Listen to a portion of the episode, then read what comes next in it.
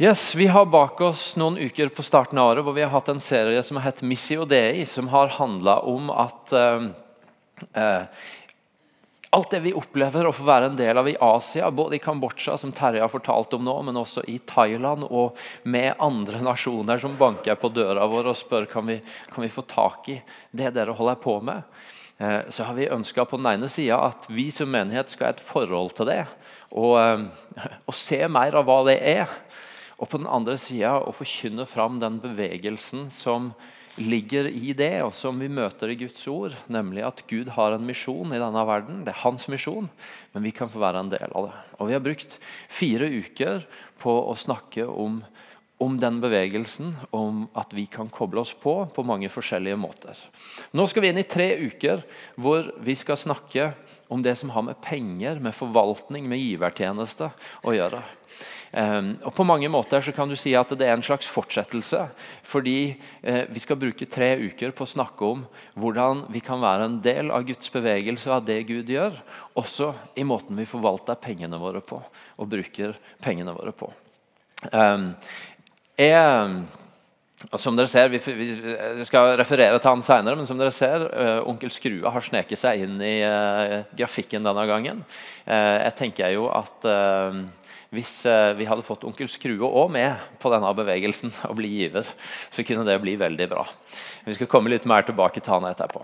Men min egen personlige, personlige utvikling eh, etter noen år som pastor det har vært at det å få snakke om det som har med penger og forvaltning og raushet å gjøre, det er noe som har gått litt fra å være et litt sånt Oi, skal vi snakke om det nå? Det er litt, litt spent til å være noe som jeg gleder meg til å snakke om og syns er kjekt å snakke om. Eh, jeg husker når jeg var ganske ny i IMI, så gikk vi rett inn i en fire-fem ukers serie om det med penger, det med givertjeneste, forvaltning å gjøre. Og, og, jeg husker at eh, etter en av vi hadde, På kveldene hadde vi studentgudstjenester da, og etter en av gudstjenestene så sto jeg ute på torget, og så kommer det en fyr bort til meg og forteller at han er i byen i en måned fordi at uh, han har noe praksis, og han hadde gleda seg til å komme til IMI og oppleve livet her. Og så sier han og så snakker dere om penger hver eneste søndag. Forkynn Jesus, så kommer pengene, sa han sint og gikk. Og jeg sto igjen og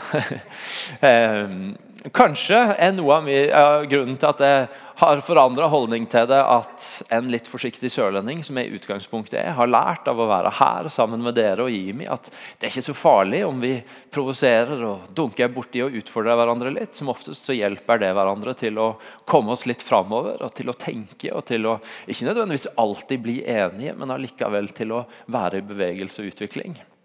Eh, jeg har jo hatt gleden av en eh, sjef i noen år som heter Martin. og Han er jo ikke så redd for det.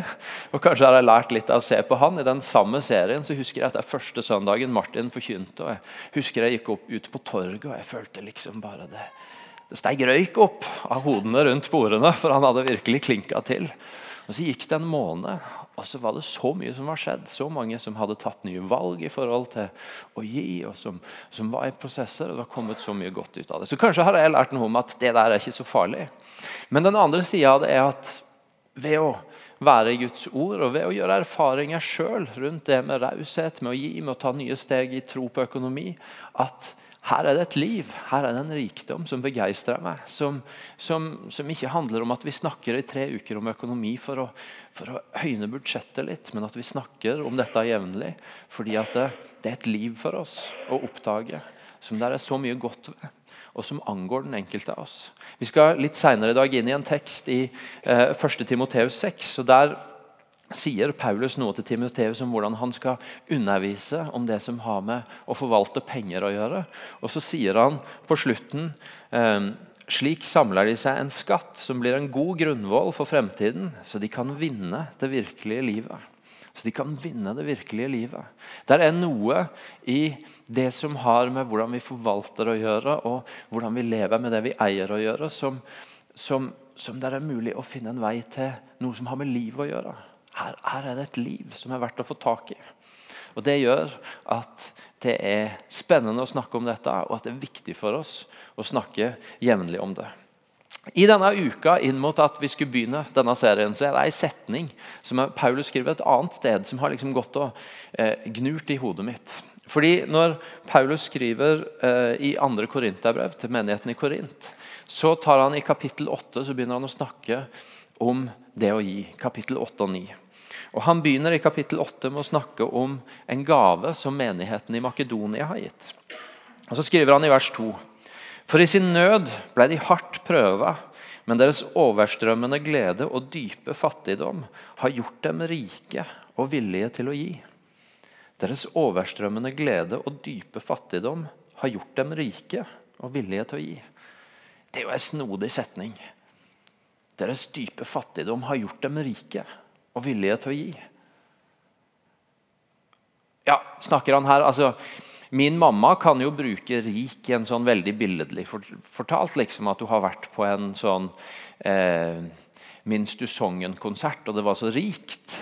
Eh, men det er jo på en måte, da er vi i bildespråket. ikke sant? Paulus snakker her om han snakker om en gave, han snakker om penger, han snakker om materielle verdier. Han snakker ikke billedlig om at det var en rik opplevelse. Og Likevel så kan han si at deres dype fattigdom har gjort dem rike og villige til å gi. Det er en spennende setning, fordi det, det, det, setter oss bare på sporet av at det må være noe i Guds rike. Det må være noe i Bibelens måte å tenke om det med penger på som, som har et annet perspektiv enn det vi er vant til i verden rundt oss. Hvis det går an å koble det å egentlig ha lite med det å at allikevel så hadde de mye, og det var mulig for dem å gi. Jeg vet ikke Hvis jeg hadde begynt å tusle rundt på torget etter gudstjenesten og, og stilt spørsmålet til dere er du rik, om hva du ville svart da. Det, det, det, er jo i seg sjøl ikke sånn helt sosialt akseptabel atferd antagelig, å bare eh, strende bort til folk og åpne med det spørsmålet. Kanskje særlig ikke for en pastor eh, på Eh, kirkekaffen etterpå. Eh, jeg bruker ikke å stille det spørsmålet til noen. Jeg vet ikke om jeg noen gang har fått det spørsmålet. Men allikevel så er det jo og det kan godt hende at du tenker at jeg vet ikke om jeg er så himla opptatt av om jeg er rik eller ikke heller. Men allikevel så er det jo et, det er jo et spennende spørsmål å tenke gjennom. Ja, hva, hva, tenker jeg egentlig om det? Og hvilke, hvilke, bilder og tanker skaper det i meg? Fordi at eh, alle lever vi jo i et samfunn som har et ganske høyt fokus på det materielle. Og Jeg tror ikke nødvendigvis det er så veldig annerledes nå enn det har vært før i tida. Kanskje er det annerledes nå at vi har en del dynamikker som gjør rikdom enda mer synlig, og kanskje også er det enda mer mulig for mange å ta hoppet fra å ha lite til å ha mye. Men, men, men vi lever i en kultur hvor vi, vi jevnlig møter ulike uttrykk for at det er et fokus på hva vi materielt sett har, og at det er lik rikdom. Vi kan lese om folk som er rike, som eier mye, og, og høre om deres historie. Og, og kanskje lese litt om, om, om, hva de bruker de pengene på. Vi, det er jevnlig en nyhetssak å se lister over hva folk tjener og eier. Men det er også alle disse her tingene som, som, som handler om å, å snakke om den neste tingen du kan bruke penger på. Eh, den neste tingen du burde hatt. Den neste oppussinga eller reisen eller de tinga du kunne gjøre. Og, eh, og, jeg tror det er veldig få av oss som kan si at det der fokuset er vi helt uberørt av. Ja da, jeg ser det skjer der ute, jeg ser de skriver om det, men det gjør ingenting med meg. Jeg tror det er veldig få av oss som med hånda på hjertet kan si at, at det ikke er noe der som vi må forholde oss til. Enten det handler om at du, du, du har hatt lyst til å være der du ser noen andre er, eller det handler om at du ser rundt deg og ser kanskje det andre har, og, og noe av det skaper noe i du. Eller det kan være at en del av oss foreldre går med, med denne her tanken om at en ser på hva andre barn får eller har, og lurer på burde mine barn, skulle, ha de, osv. Det er mange innfallsvinkler til det, men jeg tror jeg tror det skal godt gjøres at, at vi er helt uberørt av at det er et fokus på de tingene rundt oss. Og så er det som jeg sa, at så, så skjønner vi ut fra den setninga jeg leste fra Paulus i stad, og ut fra andre tekster i Bibelen, at, at tar vi det inn i en Guds rike kontekst, Tar vi tankene våre om, om rikdom, om penger, om, om, hvordan vi skal forholde oss til det inn i Guds ord, så møter vi en annen måte å tenke på. Og Det er spennende, og, og, og det gir grunn til å stoppe opp ved. Et av de stedene det er når Paulus skriver til Timoteus. Første brev til Timoteus. Paulus skriver til en av sine unge disipler og, og, gir han råd om ganske mye forskjellig. En ung leder som Paulus vil lære opp og gi visdom til hvordan han bør opptre i møte med de han leder igjen. Helt på slutten av det første brevet så skriver han om hvordan Paulus skal eh, snakke til de som har, til de som eier om, om, om, hvordan de forvalter det. Han skriver i kapittel 6 fra vers 17. Forman de som er rike i denne verden, at de ikke må være overmodige og ikke sette sitt håp til den usikre rikdommen, men til Gud, Han som gir oss rikelig av alt for at vi skal nyte det. De skal gjøre godt, være rike på gode gjerninger, være gavmilde og dele med andre. Slik samler de seg en skatt som blir en god grunnvoll for framtida, så de kan vinne det virkelige livet. Paulus skriver Forman de som er rike i denne verden, at de ikke må være overmodige og ikke sette sitt håp til den usikre rikdommen, men til Gud, Han som gir oss rikelig av alt for at vi skal nyte det. Paulus begynner med å si noe til Timoteus om at det er noen ting i møte med det å eie, det å ha, det å forvalte, eh, forvalte materielle verdier, som, som du, må, du, må, advare folk mot. Som du må, du må, du må minne dem på at der er det noen farer. Og Det er en del av det bibelske bildet i forhold til det å, å være en som eier og som forvalter ressurser, som jeg vil tro at de aller, aller fleste, og kanskje alle i dette rommet, gjør. Bibelen snakker ærlig om at det er noen ting du må passe deg for. Og på en måte så, eh, eh så så, så, snakker han om på den ene sida en sånn nærmest en sånn eh, om du vil en, en, følelsesmessig side, en holdningsside. En, en, eh, en, ting som kommer i en hjerteholdning å gjøre her. For han, han, snakker om hvordan de ikke må være overmodige. Det har noe med holdninga det har noe med hjerteposisjonen å gjøre. I noen engelske eh, oversettelser så står det at de ikke må bli arrogante. Altså, det har noe med hva, hva, hva det å eie gjør med en og gjør med hjertet ens. Og så sier han noe om, om, om, om mer en praktisk side, å ikke sette sitt håp til den usikre rikdommen, men til Gud. Der er flere steder i Bibelen som på den ene sida sier noe om at penger, ressurser som egentlig er meint å være noe som jobber for oss, som er meint å være en styrke for oss, som, som oss Eh, som hjelper oss i det livet vi lever, og som gir oss muligheter både til å investere og til å bety noe for andre og til å eh, lage gode ting for, for, for eh, oss sjøl og familien. At det er en reell fare for at det som begynte som noe som skulle tjene oss, i neste omgang blir noe vi tjener. Eh, Jesus sier i Matteus 6 du kan ikke tjene både Gud og mammon. Med andre ord, Han sier at det er mulig å bli en tjener av mammon. Det er en mulighet for å bli en tjener av pengene. Det som var meint å skulle bli noe som jobba for oss, kan i neste omgang bli noe som, eh, som blir eh, noe vi må jobbe for.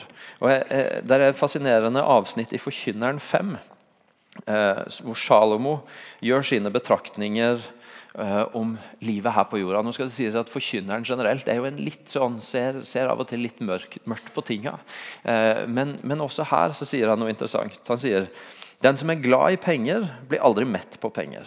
Den som elsker rikdom, får aldri vinning nok. Jo større eiendom, jo flere som skal leve av den. Hvilken fordel gir det eieren annet enn at han får mer å se på? En slave kan sove godt enten han har lite eller mye å spise. Den rikes overflod tar søvnen fra han. Så Bibelen har et element av det bildet. Av at det er noe med en bevissthet i forhold til hva det materielle gjør med oss, som på den ene sida kan gjøre noe med hvordan vi har det på innsida, hva som er hjerteposisjonen vår i forhold til det. Og på den andre sida at rent reelt sett så kan vi bli bundet av det. Det kan ende opp med at det som skulle gjøre noe for oss, blir noe vi må jobbe for og streve for å holde oppe.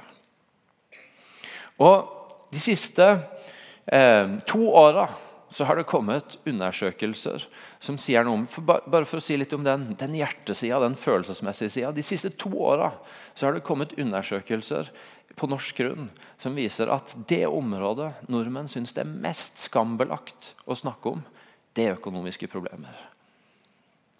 Mye, mye mer skambelagt å snakke om det enn en hel andre felt.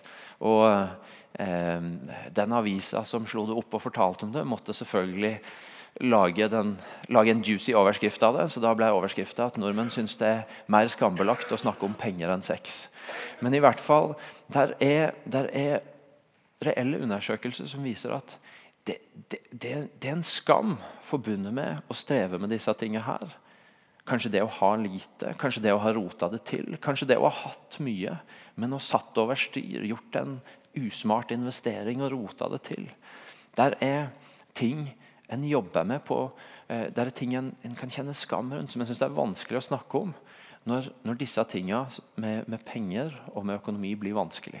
Og Vi har Tone og Håkon som driver aktive valg. Eh, som jobber nettopp med å hjelpe folk til å forvalte penger godt. Og De har kurs i, i eh, hvordan vi kan alle jobber med å ha en, en god og sunn og forvalte godt. Eh, og De forteller òg at noe av det de møter, er at ting som er vanskelig rundt dette, det er skam rundt. Og Det kan skape vanskeligheter mellom ektefeller og i familier og på forskjellige måter. Fordi at en, en ikke helt tør å åpne det lokket. Og Det bare bekrefter noe av det bildet Bibelen gir av at her er det noe som kan ta fatt i oss, og som kan bli en negativ kraft i livet vårt. Og så er det samtidig spennende, syns jeg, å lese en annen tekst eh, hos Paulus, hvor han skriver i Filipperne 4. Jeg sier ikke dette, eller Han takker dem for en gave de har gitt. Og så sier han jeg sier ikke dette fordi jeg led nød, for jeg har lært, meg, lært å klare meg med det jeg har. Jeg vet hva det er å ha det trangt, og hva det er å ha overflod. I alt og alle ting er jeg innvia. Å være mett og være sulten, å ha overflod og lide nød. Alt makter jeg i Han som gjør meg sterk. Dette er en av de tekstene i Bibelen som så tydelig gir en invitasjon, et bilde inn av det som Gud ønsker for oss at skal være en hjerteposisjon i forhold til det vi eier og det vi rår over. Nemlig ikke at vi er bundet, ikke at vi har skam, ikke at vi fighter for å holde oppe det vi har skapt oss, men at, at vi kan få leve i en frihet. En frihet i forhold til det med hva vi eier og det vi ikke eier. Og kjenne at enten jeg akkurat nå har mye eller jeg har lite, så er jeg trygg og jeg er fri. Fordi jeg er trygg på at jeg har en som forsørger meg. Og la meg bare si, Det er ei praktisk side og ei åndelig side av dette.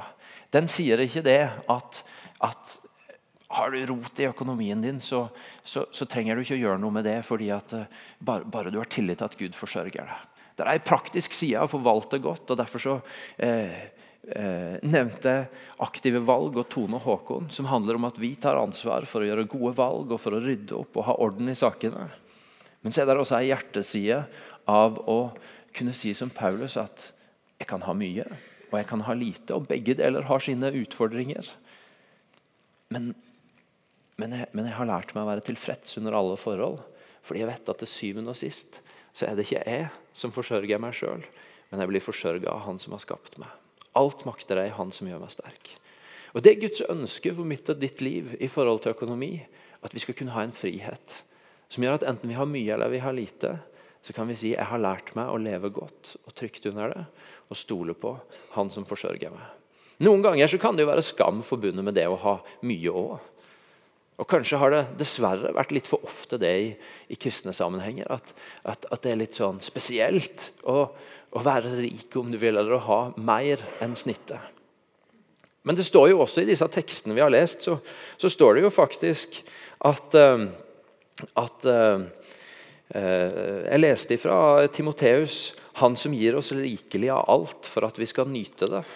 Og I denne her litt pessimistiske teksten i Forkynneren, som jeg bare må få slått opp igjen nå, så sier han også når Gud lar et menneske få rikdom og formue og lar ham få nyte dette, så kan han ta imot sin del og glede seg over det han eier. Da er dette gitt av Gud. Det er ikke Det er ikke noe i Bibelen som sier at det er skam forbundet med å eie, med å ha gjort det godt økonomisk, med å, med å sitte over mye. Det er en ærlighet på at det kan være utfordringer med det. Og så er det samtidig en tydelighet på at du både skal få glede deg over det, og så skal du få muligheter til å forvalte. For det neste, etter at Paulus har sagt noe om det som rikdommen, det som eiendelene, pengene, kan gjøre med oss, så sier han jo noe om hva som er invitasjonen til en måte å leve på. Han sier i vers 18.: De skal gjøre godt, være rike på gode gjerninger, være gavmilde og dele med andre. De skal gjøre godt, være rike på gode gjerninger, være gavmilde og dele med andre. Det er en invitasjon til en annerledes livsstil. Hvor det en har, ikke handler om som i Forkynneren å stadig samle opp mer, men om en måte å leve på hvor en gjør godt, hvor en er rike på gode gjerninger, hvor en er gavmild og deler med andre. Det er en invitasjon til å leve med det en har, i en raushet som gjør at det blir et rikt liv.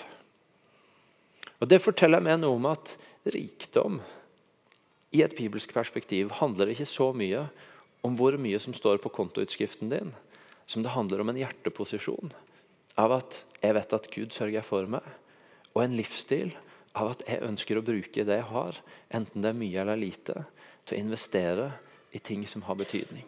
Til å leve et raust og gavmildt liv med åpne hender, hvor jeg ser at, andre, eh, at, at pengene mine får betydning i andre menneskers liv på ulike måter. Paulus kaller det noen steder såkorn. Andre steder så leser vi om, eh, om, forvaltning.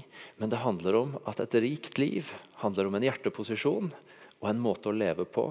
Av åpne hender, av raushet, av å ønske å så inn. Det er rikdom i Bibelen. Og Det gjør at de som hadde lite i Makedonia, som Paulus sier de er fattige, de var likevel blitt rike og villige til å gi, fordi de hadde funnet en måte å leve rikt på. En måte å leve rikt på. Hvor hjertet deres fortalte at jeg er trygg. Jeg har en far som sørger for meg. Jeg er ikke bundet verken av mye eller lite. Men som Paulus så har jeg lært meg å leve under alle forhold. Og så har de funnet en livsstil som handler om å dele, om raushet, om å gi. På en sånn måte at, at, at de får leve rikt. Det er Bibelens invitasjon til oss. Det er ikke primært å måle kontoutskriften. Det er ikke primært å, um, å, å, å, tenke at gi, så skal du få i form av å Gir du 100 kroner, så får du 1000 tilbake, og da vokser du enda litt mer i en sånn materiell rikdom. Men det å gi, så skal du få på en sånn måte at du får erfare rikdommen i å se at du blir dratt inn i, i en virkelighet hvor, hvor, det du gir, får bety noe, får velsigne, får effekt i andre menneskers liv. Og det er, eh, eh, det er muligheten til oss alle. Det betyr at alle får være med å spille. Det betyr at eh, uavhengig av hva du ville svart hvis jeg troppa opp foran deg på torget og spurte er du rik, og du hadde tenkt at oi, nå må jeg sjekke om bankkontoen min, så, så er ikke det relevant. Fordi at uh, I det bibelske perspektivet av å leve rikt så handler det ikke om størrelsen på, bank, på kontoutskriften, men det handler som jeg sier, om hjerteposisjonen og om måten å leve på. Og Det betyr også at invitasjonen når vi bruker noen uker på å snakke om dette, det er å se hvordan kan jeg vokse inn i dette livet. Paulus sier i vers 19 slik samler de seg en skatt som blir en god grunnvoll for framtida, så de kan vinne det virkelige livet. Så de kan vinne et liv. Og Paulus, nei, Jesus sier jo et sted at, at når vi er tro i det vi er satt på å forvalte materielt, da kan han sette oss over de virkelige verdier. Andre verdier som er de virkelige verdier. Så Det er en invitasjon til å, til å, vokse, til å ta nye steg, sånn at du blir dratt enda mer inn i det rike livet. Og De bildene Bibelen gir av raushet, av sjenerøsitet, det er bilder av radikal sjenerøsitet. Det er ikke bilder av at ja, nå jeg nå kan jeg ta av sjekklista mi, for nå har jeg gitt det som er forventa av meg. og da, da, er det jo fint. Men det er bilder av radikal sjenerøsitet som strekker oss alle på hvordan ser det å vokse videre inn i et liv av raushet, i et rikt liv. Jeg leste om Moses denne uka når han laga en sånn innsamling eh, blant israelsfolket til teltet og utstyret rundt det de skulle bygge. Også, og Det er jo fascinerende, det fascinerte meg, fordi det står jo ganske mye Israelsfolket blir jo ikke akkurat rosemalt i Mosebøkene. Det er jo mye surr med dem. Og stadig vekk så lurer de på ah, hvorfor tok du oss ut på dette her, Moses. Kunne du ikke bare latt oss være i Egypt? Og, og så er, ja, det bråk. Men allikevel så står det at de kom og de kom og de kom og de ga. Og til slutt så, så, så får Moses et vennlig hint fra Gud om at det holder nå. Og så må Moses gå til folk og si du, dere må stoppe å gi. Vi har fått det vi trenger. Og det må jeg innrømme at det har ikke jeg opplevd ennå. Verken at noen har sagt til meg, eller at jeg har sagt. Og det er jo bare et sånt bilde på noe radikalt i forhold til sjenerøsitet. Når den rike mannen kommer til Jesus, så sier han jo ikke Gå bort og, og begynn å gi litt av det du eier, og så, og, så, og så, skjer det litt forvandling i livet ditt. Du begynner å komme inn i det rike livet. Han sier jo gå og selg alt du eier, og gi til de fattige. Og Det står om de første kristne, hvordan de holdt sammen og hadde alt felles. Det er radikale bilder som jeg tror at uansett hvor vi er på reisen mot å leve rikt, i form av hvor hjertet vårt er og hvor livsstilen vår er, så utfordres vi. Vi strekkes på hvordan ser det ut for meg å ta nye steg. Jeg kan si at For meg så har det vært en spennende reise å, å ta nye steg i det livet. Noen ganger i å gi mer her til menigheten min. Andre ganger til å tørre å ta steg ut i tro og gi til ting jeg, saker og ting jeg kjenner meg minna om. Enten det er en Benjamin som skal i retten, eller en eh, Eh, noen mennesker jeg møter og som kommer på hjertet mitt, eller, eller det er en sak som pågår i verden rundt. Men jeg har aldri følt meg fattigere av å gi. Det kan jeg faktisk si. Jeg har aldri følt meg fattigere av å gi. Og det er den invitasjonen inn i det livet som disse tekstene gir oss, som Bibelen gir oss, og som gir oss sånne radikale bilder at vi alle kan strekke oss. For oss som menighet, Dette blir litt repetisjon for noen av dere. fordi at dere har vært her noen år, Men eh, vi må også snakke om disse tingene for at alle skal være med. av dere som kommer nye til. Hvert år så har vi mange nye medlemmer. Så, så har det Bibelen sier om denne måten å leve rikt på, betyr at vi har tatt noen valg. Vi har tatt noen valg om at vi ikke begynner med å sikre oss sjøl. Men at vi, vi, faktisk har valgt å si at hver søndag så går kollektene våre til å gi til noe utafor livet i den lokale menigheten her i Stavanger. Fordi vi tror at det er å leve rikt for oss som menighet. Og det kan jeg si at Hvis ikke vi hadde fått være med og ikke bare være med å investere på arbeid i Asia Hvis ikke vi hadde fått være med på å gi til noen av de tingene vi har fått gitt til her lokalt Vi har vi har, vi har, gitt både til, eh, til Røde Kors, til, eh, til voldtektsmottaket, vi har gitt til fotballklubben Vidar, som er naboen vår her. Vi har gitt til nabomenigheter i byen. Det er så mange ting, og det har gjort oss rikere. Selv om det hadde vært så mye lettere å begynt med å sikre menighetens budsjett og tatt inn kollekten. Og Det fascinerende er jo at dere etter at vi begynte med det, har gitt tre ganger så mye kollekt. Så dere syns jo òg det er mye kulere å leve sånn enn å bare gi inn hele veien. Lev rikt. Lev i en trygghet, en hjerteposisjon som menighet på at det Gud kaller oss til, det kommer han på en eller annen måte til å forsørge oss for. Altså I en livsstil av å strekke oss mot sjenerøsitet. Og så betyr det at vi hele veien lener oss på som menighet. At vi som fellesskap har en fast givertjeneste hvor vi gir inn. Og på den måten eh, gir det fundamentet som vi trenger som menighet for å kunne leve samtidig med å gi så mye ut. Og Da har jeg lyst til å gi dere en oppmuntring. Fordi at I fjor så tok vi et krafttak på dette. Vi snakka om det i flere uker. Vi utfordra hverandre, og dere responderte på det. Og det betyr at I det året som ligger bak oss, så har dere Og dette er til og med for det om vi snakka om dette i mars, og det betyr at for mange av, av, av dere og oss Jeg har òg justert givertjenesten min da. For mange av oss så, eh, så begynte ikke disse tingene å virke før i april og mai. og Allikevel så ga dere i fast givertjeneste i fjor 1,1 million mer enn året før. Det er en vekst på over 13% nesten 14% og Det er veldig uvanlig for oss. Det er kjempebra. Dere, hvis dere vil, så kan dere få lov til å klappe for at det er et veldig godt resultat. Og det er også sånn at Normalen veldig mange steder er at 20% gir 80% av det som kommer inn. Og Vi har vært for noen år tilbake ganske nært det. Og så har vi sett at vi har beveget oss litt bort fra det. Og nå er vi faktisk der at 21% av gir, nei, 24% av menigheten gir 54% av inntektene. Og Det er på den ene sida selvfølgelig en utfordring til oss alle om at det er mer å gå på. og det er flere som kan være med. Men det forteller faktisk en veldig bra historie også, om at mye mer enn normalen så er det flere her som tar ansvar. Det er flere som er med. Det er flere som gir inn. Og Det syns jeg er kjempebra. Så Jeg har ikke lyst til å gå inn i denne øh, aksjonen med å si nå må, nå må vi komme i gang. Jeg har på mange måter lyst til å si tusen takk for at dere allerede gir så raust. Tusen takk for den responsen dere har gitt det siste året. Og så er det samtidig viktig for oss å hele veien som jeg sier, strekke oss på et sjenerøst liv, et raust liv. Og også på at du som kanskje er ny, som ikke har vært her så lenge, som ikke er så vant til denne måten å tenke på, at du òg kjenner utfordringa til å koble deg på denne måten å leve på, denne måten å fungere på.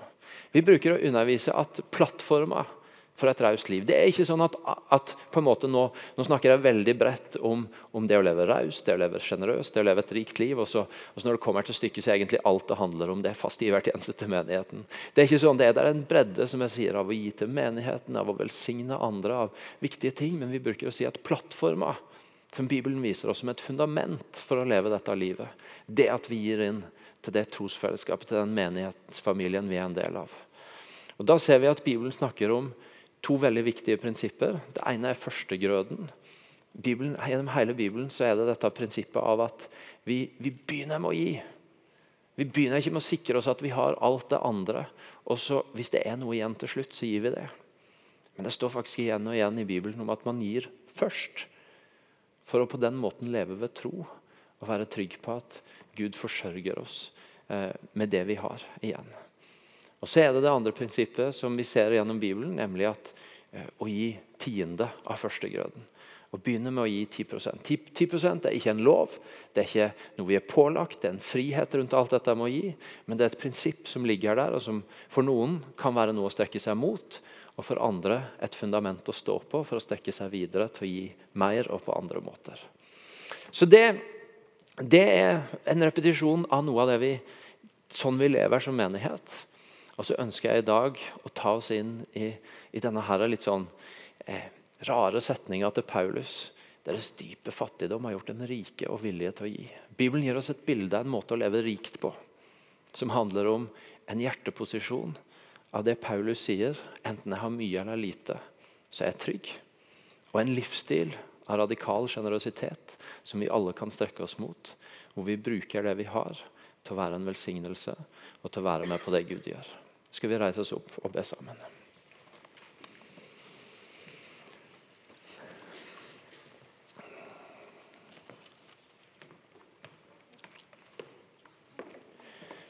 Kjære gode far, jeg har bare lyst til å takke deg for at du er vår far, som sørger for oss, og som inviterer oss inn i en annen måte å leve rikt på.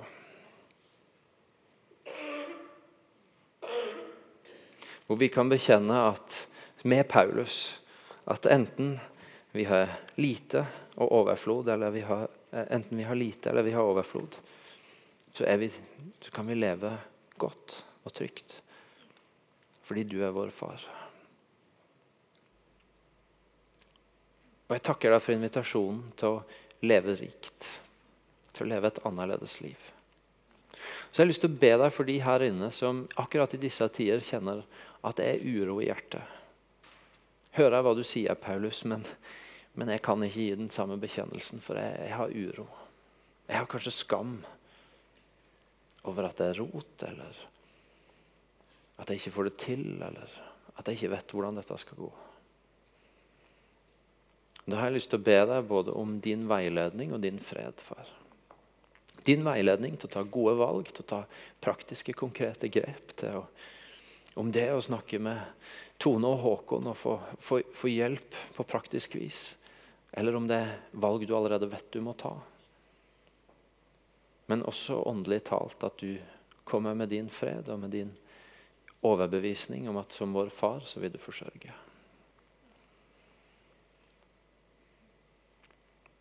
Og så har jeg lyst til å be deg om at du taler til oss alle i denne tida, far, om hvordan bildene og invitasjonen av en radikal sjenerøsitet skal få strekke oss denne gangen. Enten vi har levd i dette lenge eller kort. Enten det handler om å ta noen tidlige steg, eller det handler om å bli utfordra på å ikke bli komfortabel, men å, men å våge noe nytt. Selv om vi har en lang historie. Tal til oss og led oss, far.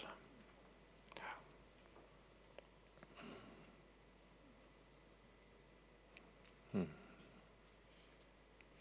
Minn oss gjerne akkurat her vi står nå, på konkrete valg du ønsker å oppmuntre oss til.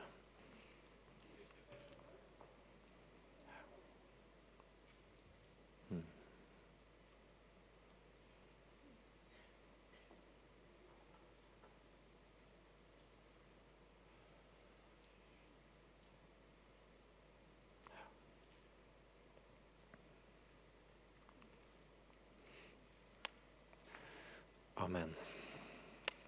Stå litt til, for jeg skal straks lyse velsignelsen. Men nå har vi noen minutter igjen før barna skal hentes. Da er du hjertelig velkommen til å gå til forbønn. Lovsangen og forbønn fortsetter også etter barna er henta. Men eh, til, til, å bli bedt for. Enten det jeg har snakka om i dag, har berørt noe i deg, eller du har med deg livssituasjoner, vanskeligheter, sykdom som, som du, inn i gudstjenesten som du ønsker at noen skal be for. Vi har noen eh, kunnskapsord som uh, når det var bønnemøte før gudstjenesten. Uh, og Der er et ord som sier at med Guds hjelp kan jeg sprenge, springe over murer. Så kanskje hvis du står overfor en utfordring, så er det en invitasjon til at Gud vil være med deg og la noen få be for deg inn i det.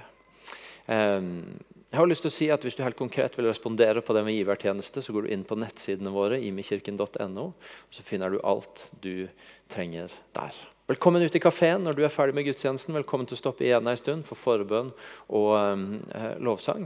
La oss avslutte sammen med å ta imot Herrens velsignelse. Herren velsigne deg og bevare deg. Herren la sitt ansikt lyse over deg og være deg nådig. Herren løfte sitt åsyn på deg og gi deg fred. Amen.